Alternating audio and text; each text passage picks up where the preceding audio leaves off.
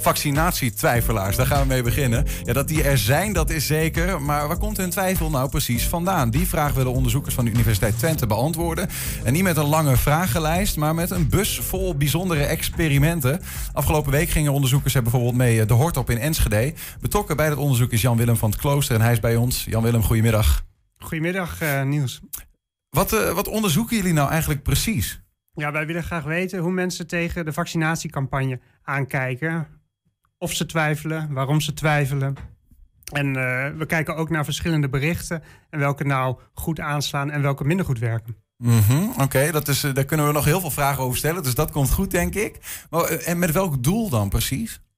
Nou, wat wij willen weten is uh, wat mensen beweegt, waar ze op letten, waar ze naar kijken, hoe ze kijken, hoe hun gedrag wordt uh, bepaald. En als ze twijfelen, welke argumenten belangrijk zijn voor hen. Dus ja. wij oordelen niet, maar we zijn wel geïnteresseerd in wat de mensen drijft. Ja, ja. Maar als ik dan zou vragen, in, in opdracht waarvan, zit er een bepaalde lijn in dat jullie zeggen van we brengen wel een advies uit om bijvoorbeeld uh, de vaccinatiebereidheid te verhogen of wat dan ook, of zit dat er helemaal niet onder?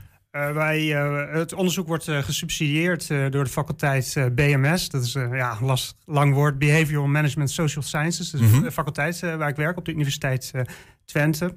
Wel zien wij dat er interesse is van onder andere de communicatiemensen bij VWS. dus wij zijn wel gevraagd om hen ook te rapporteren en over de uitkomst te informeren. Ja. Maar zij betalen niet het onderzoek. Nee, dat is ook niet de initiële insteek om hen te voorzien van aanbe aanbevelingen waarmee ze de vaccinatiebereidheid kunnen verhogen. Nee, ons uh, primaire doel, naast dat het natuurlijk een heel interessant uh, onderwerp is voor onze onderzoekers en on onze studenten om op af, af, te studeren, bijvoorbeeld de gezondheidswetenschappers, is om hier wetenschappelijke publicaties over te schrijven. En voor ons lab zelf, want ik -hmm. werk in het, in het faculteitslab. Uh, hier gebruiken we inderdaad, zoals je net al noemde, nieuwe technologieën. We willen ook heel graag weten hoe deze in dit soort situaties goed kunnen worden ingezet. En daarom doen we dit exploratief onderzoek ook. Ja. Um, hoe zit het eigenlijk om dat even te kaderen? Wat zijn de huidige cijfers over het percentage twijfelaars op dit moment eigenlijk? Ja, het verschilt een beetje per leeftijdsgroep. Het is best wel heel hoog uh, in Nederland. Er is veel uh, vertrouwen. En naarmate de mensen ouder worden, de cohorten, dus de groepen die worden bevraagd, RIVM doet dat. Mm -hmm. hoe, hoe hoger de leeftijd, hoe meer bereidheid. Maar ja. er zijn wel een paar kanttekeningen. Want dat, is, uh, dat zijn de mensen die zij hebben ondervraagd. En dat is, zijn grote panels. Maar dat zijn wel middels vragenlijsten, telefonische interviews en, uh, en digitaal. Dus niet iedereen uh, doet daaraan mee. En daarnaast zie je ook dat minderheidsgroepen, zoals migranten bijvoorbeeld...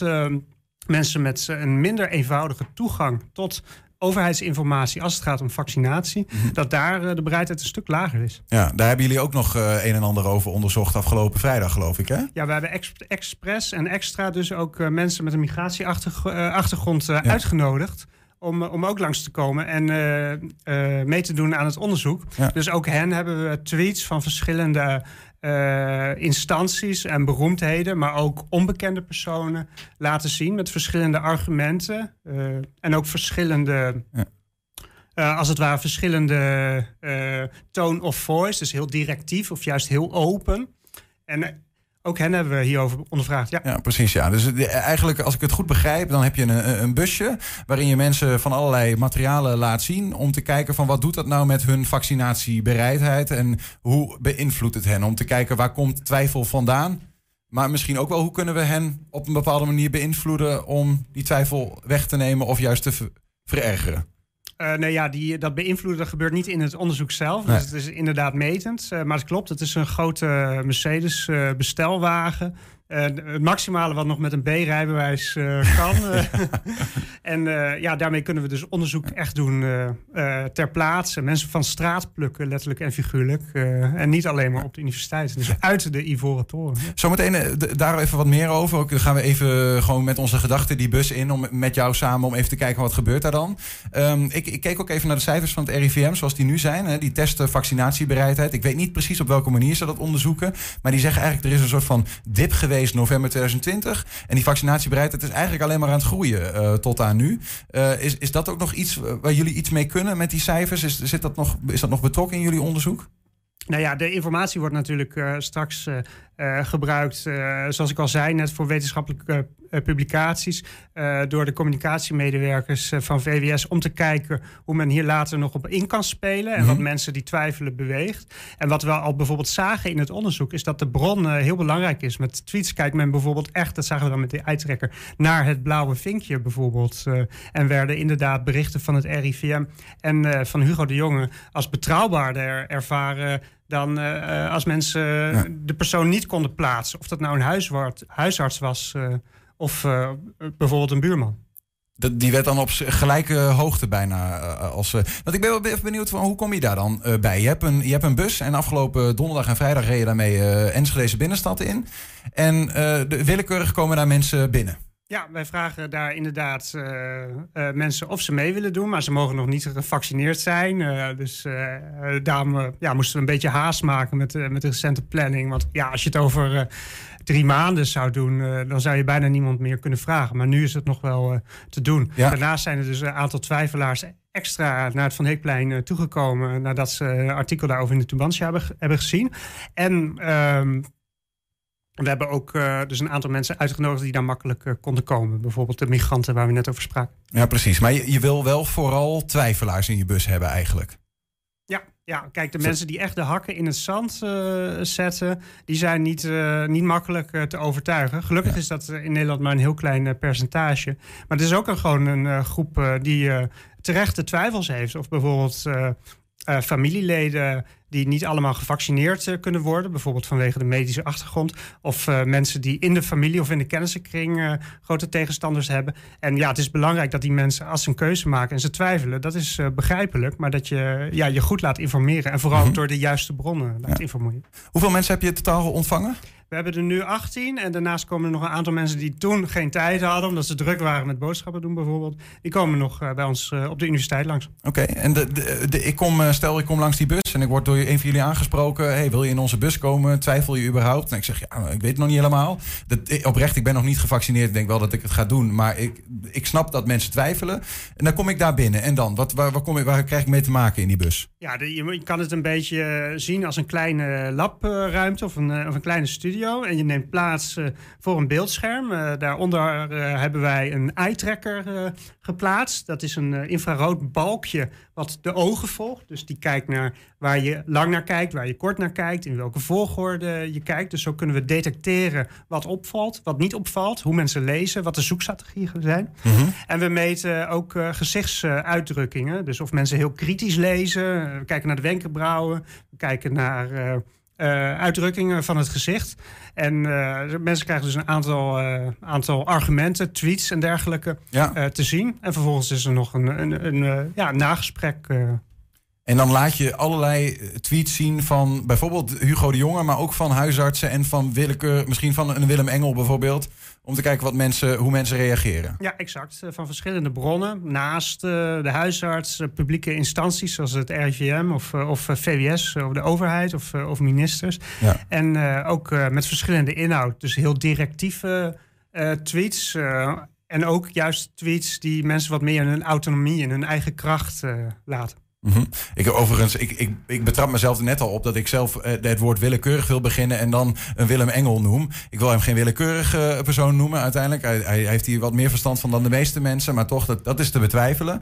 Um, wat is, uh, wat is nou precies. Uh, voor, wat, of wat is nou precies. Wat zijn nou voor jullie resultaten uit het onderzoek tot nu toe al? Waarvan je zegt van ja, dat is voor mij wel een, uh, een, een een, resultaat die, die ik zeg maar voorin heb staan. Van wat dit is het topresultaat. Ja, ik, we moeten de statistische analyses uh, moeten we nog doen. Dus we moeten een kleine slag uh, uh, om de pols houden. Ja. Slag om de arm. maar wat we dus al zagen was wat ik net al noemde, dat er echt goed wordt gekeken naar, naar de bron, naar de afzender en ook naar die, bijvoorbeeld bij de tweets de blauwe vinkjes. we hebben indicaties dat de soorten argumenten die mensen meer in hun eigen autonomie, kracht, waarde laten, dat die het beter doen dan, dan de wat directievere. En we zagen uh, bij de migranten die we hebben uh, ondervraagd, maar dat waren er geen tientallen, dus daar past uh, enige voorzichtigheid. Ja. Is dat hun beredeneringen op zich niet anders zijn, maar dat ze dus wel iets langer uh, deden over het, het, het lezen, het, het begrijpen en op waarde kunnen schatten van, van de berichtgeving. Mhm. Dus ja, daaruit kun je wel concluderen dat uh, nu al voorzichtig dat het wel echt belangrijk is om over de berichtgeving uh, na te denken, omdat het echt uitmaakt. Mhm. En het, wat je noemt al even van bij die migranten, dat is een kleine groep. Hoe extrapoleerbaar zijn deze resultaten ook voor die anderen? Zeg maar kun je dan met deze groep 18 mensen die je nu hebt gehad, kun je, kun je daar iets mee zeggen überhaupt over het gedrag van mensen in dit Nou, hiermee alleen niet, maar hiernaast doen we ook nog eh, een grote panelstudie. Dus we combineren dat en trianguleren vanuit verschillende invalshoeken. Dus nu in de bus met uh, sensoren en met uh, meetapparatuur. Mhm. En ook uh, subjectieve, dus vragenlijstdata. Daarmee belichten we het fenomeen van verschillende kanten en dan wel. Ja. Hebben jullie ook dan een, een resultaat over wat, wat nou um, redenen zijn? Wat de voornaamste redenen zijn dat mensen twijfelen? Of is het daar überhaupt niet zo heel erg over gegaan?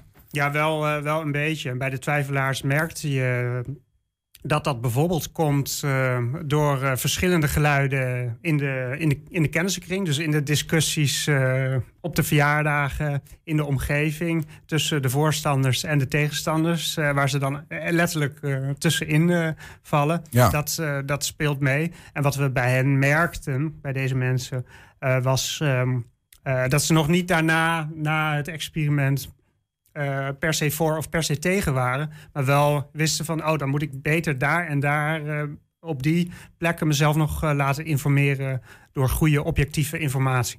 Want, hebben jullie daar ook naar die mensen zelf een soort van aanbeveling gegeven dan? Van hey, we zien bij jou dat je dit en dit en dit, maar let hier en hier en hier op? Nee, nee, zoals ik net al zei, uh, wij zijn op zich neutraal. Dus wij proberen mensen niet uh, ergens toe te overtuigen. Maar het is wel belangrijk dat je op de goede plekken natuurlijk uh, verder laat informeren. Waar goede en betrouwbare informatie te vinden is. Mm -hmm. nou, dat, is dat is wel iets wat ik me um, in deze periode wel eens afvraag. Het is meer dan ooit dat mensen.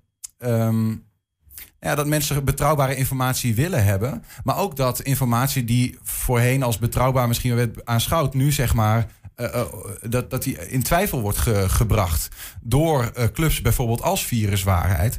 Die zeggen van ja, weet je, dat is wel het RIVM, maar die hebben misschien wel een andere agenda, wat dan ook. En ik ben wel benieuwd of, of dit onderzoek wat je nu doet, of dat een, nu eenzelfde resultaat heeft als bijvoorbeeld het twee jaar geleden had gehad. Of als het over een jaar heeft. van wat, wat doet nou deze hele chaos waarin we leven met hoe mensen kijken naar nieuws en of ze het RIVM of Hugo de Jonge nog betrouwbaar achten of niet? Is, iets wat, wat, is dit iets wat, wat jullie ook over een langere tijd nog eens gaan hertesten om te kijken wat heeft het nou, wat heeft de tand destijds gedaan? Ja, dat klopt. Uh, en dat is ook zeker terecht punt uh, wat je aansnijdt. En het verschilt ook nog eens uh, tussen cultuur uh, onderling. Er is uh, op sommige plekken in de wereld is er veel meer uh, braafheid, om het zo maar even te zeggen, luisteren naar de overheid, dan in Nederland, waarin iedereen ja, getriggerd wordt om zelf heel kritisch na te, te denken. Veel hoger opgeleide mensen ook zijn tegenwoordig. Dus waar je dat ook eigenlijk kan verwachten. Vandaar dat we in dit soort onderzoeken ook ja, theorieën hanteren die hele directieve communicatie vergelijken met juist veel meer de open en het begrijpelijk als je vragen hebt, uh, mensen in hun waarde laten en alleen een klein beetje uh, wijzen op mogelijke voordelen en mogelijke nadelen en zelf een oordeel laten vormen. Dat vergelijken we wel in heel veel uh, van onze onderzoeken, ja. ja. Ja, precies, ja. En dan blijkt dus die ondirectieve vorm in Nederland wat beter te werken. Zeker. Ja. interessant. Even tot, tot slot dan, is die bus nu weer in de, in de berging? Komt die voor die aantal personen nog tevoorschijn of gaan jullie nog veel meer onderzoeken met de bus? We hebben aanstaande donderdag staan we met de bus op een congres over gezondheid toepassingen en iedereen uh, bij ons uh, met een goed idee uh, kan die van het lab gebruiken. Dus je gaat hem zeker nog, nog vaker tegenkomen. Dank voor de, voor de uitleg, voor het interessante onderzoek, Jan-Willem van het Klooster. Graag gedaan, Niels.